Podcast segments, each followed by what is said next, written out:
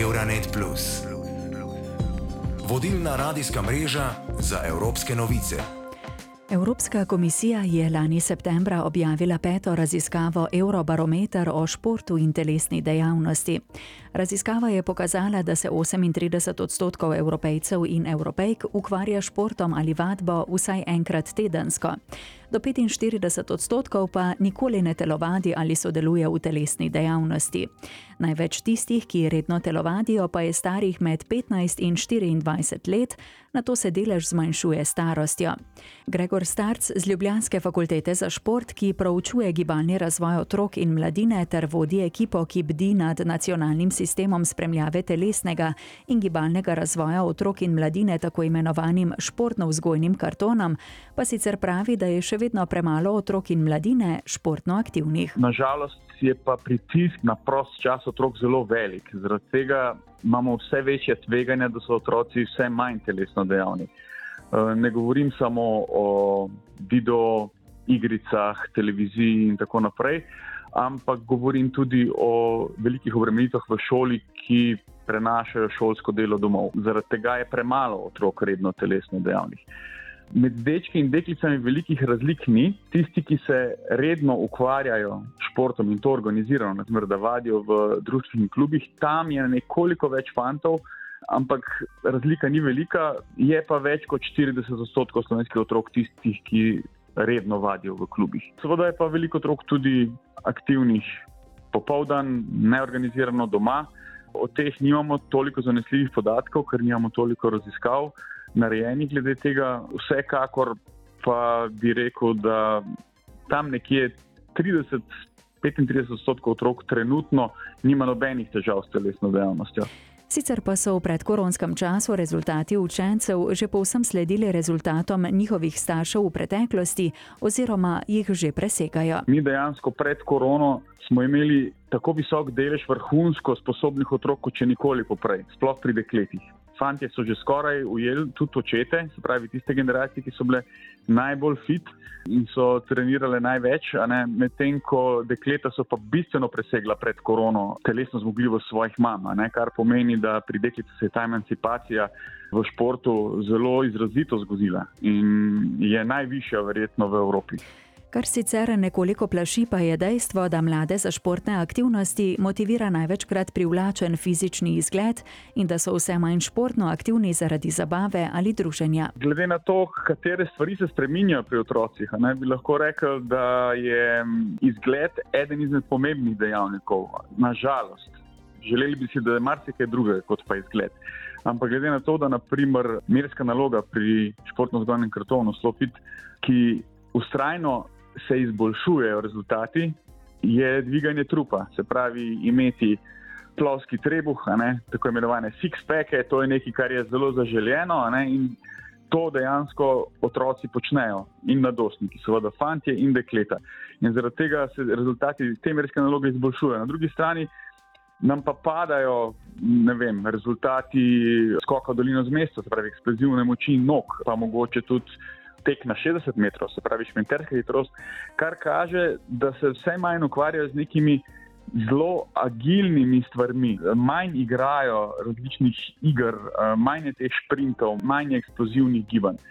Tako da iz tega lahko sklepamo, da druženje ni več tisto, ki bi otroke primarno vleklo v ukvarjanje s športom. Je pri mnogih verjetno še vedno, ne, ampak ni pa več tako močno, kot je bilo nekoč. Ta pritisk družbe, vizualnosti, uh, samo predstavljivosti in tako naprej.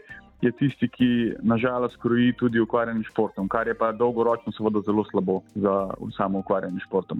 Profesor Starc pravi tudi, da je prisotne premalo športne vzgoje v slovenskih osnovnih in srednjih šolah.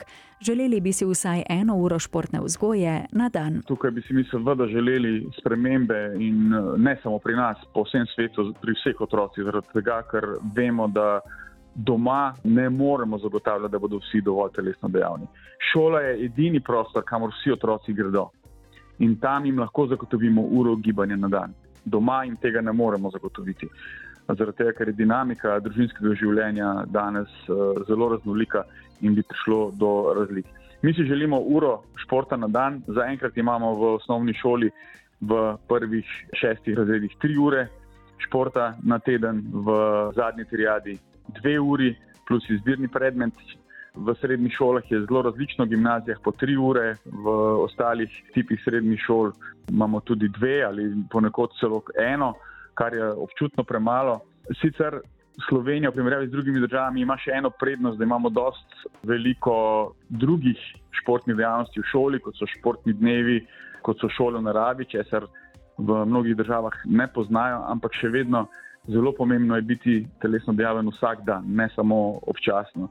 In tukaj je ta pritisk sodobne tehnologije tako velik, da v prostem času požre toliko časa otrokom, vključno potem še z domačimi nalogami in učenjem za šolo, da enostavno otrokom včasih zmanjka časa, da bi lahko se šli igrati ven, da bi lahko šli na igrišče s prijatelji, da bi lahko šli na treninge. To se dogaja tudi otrokom, ki trenirajo športe. Ne, lahko povem, tudi moji otroci se včasih znajdejo v taki časovni stiski zaradi šolskih obremenitev, da nimajo druge izbire, kot pa da spustijo trening. S stisnjenimi zobmi, solzami v očmi, ampak to naredijo. Poprašali smo tudi tri tujske gimnazice, stare 17 in 18 let, Hano Iskra, Nina Lebna in Tajo Potočnik, ali so vsakodnevno športno aktivni, kaj jih motivira in ali je dovolj športne aktivnosti v šoli, pri tem pa so bila mnenja deljena. Poskušam biti čim večkrat na teden aktivna, veliko krat hodim tekat, uh, grem tudi dosti z mojim otijem.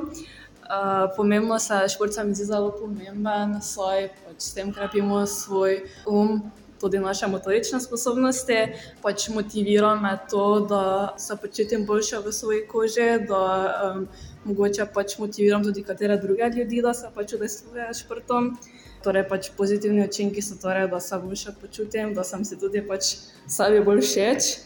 Pa da pač zdi se mi, da je čisto dovolj športnega udejstvovanja in ne bi nič spremenilo. Športam dvakrat na teden, pa pri športni. Pri športni večinoma špilam odbojko, doma drugače hodim, včasih tudi tečem. Športno udejstvovanje se mi zdi pomembno. Hočem iti malo v naravo, rabim malo svežega zraka, pa tudi da se malo umakneš od drugih skrbi.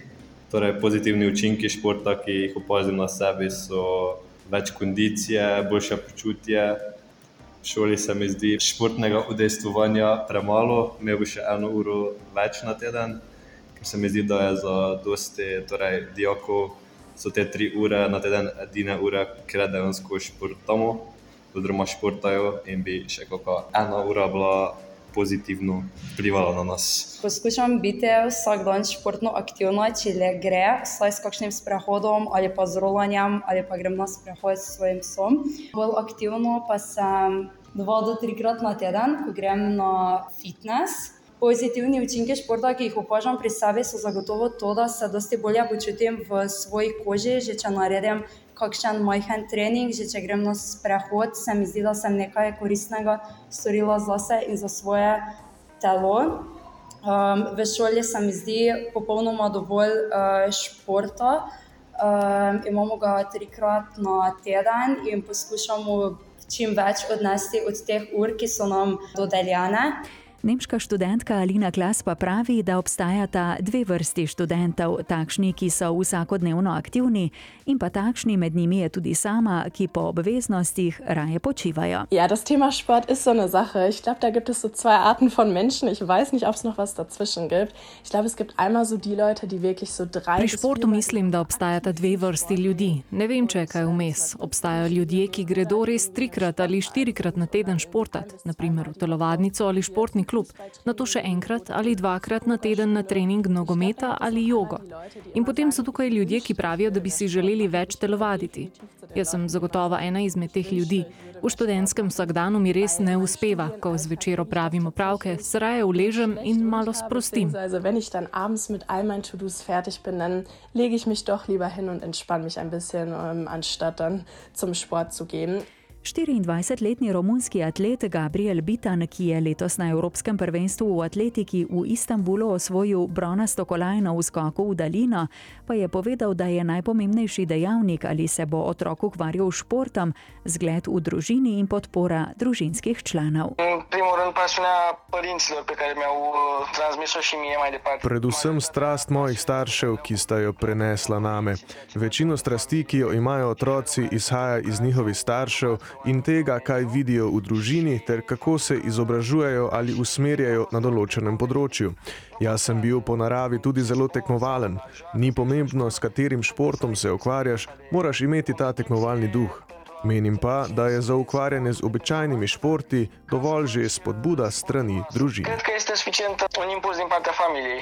Gregor Starc z Ljubljanske fakultete za šport pa zaključuje, da je šport lahko družbeno koristna odvisnost in da mladi potrebujejo čim več športnih dejavnosti, ki jih bodo krepile uravnotežene in samozavestne posameznike. Šport je eden izmed dejavnikov, ki lahko pri tem zelo pomaga. Enostavno je v življenju tako, da če je tvoje življenje raznoliko, če se ukvarjaš z veliko stvarmi, potem ne boš odvisen samo od ene. Teda, če boš se veliko ukvarjal s športom in če bomo naredili ljudi odvisne od športa, potem smo naredili nekaj dobrega, ker to je družbeno koristna odvisnost, če lahko temu tako rečemo.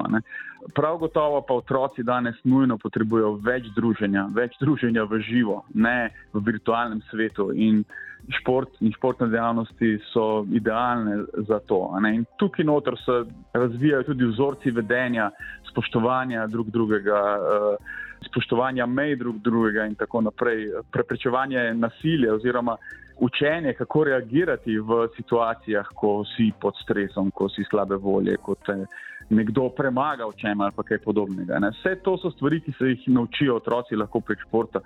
Boljšega orodja za to dejansko nimamo in to bi veljalo dobro izkoristiti. Euronet Plus za boljše razumevanje Evrope.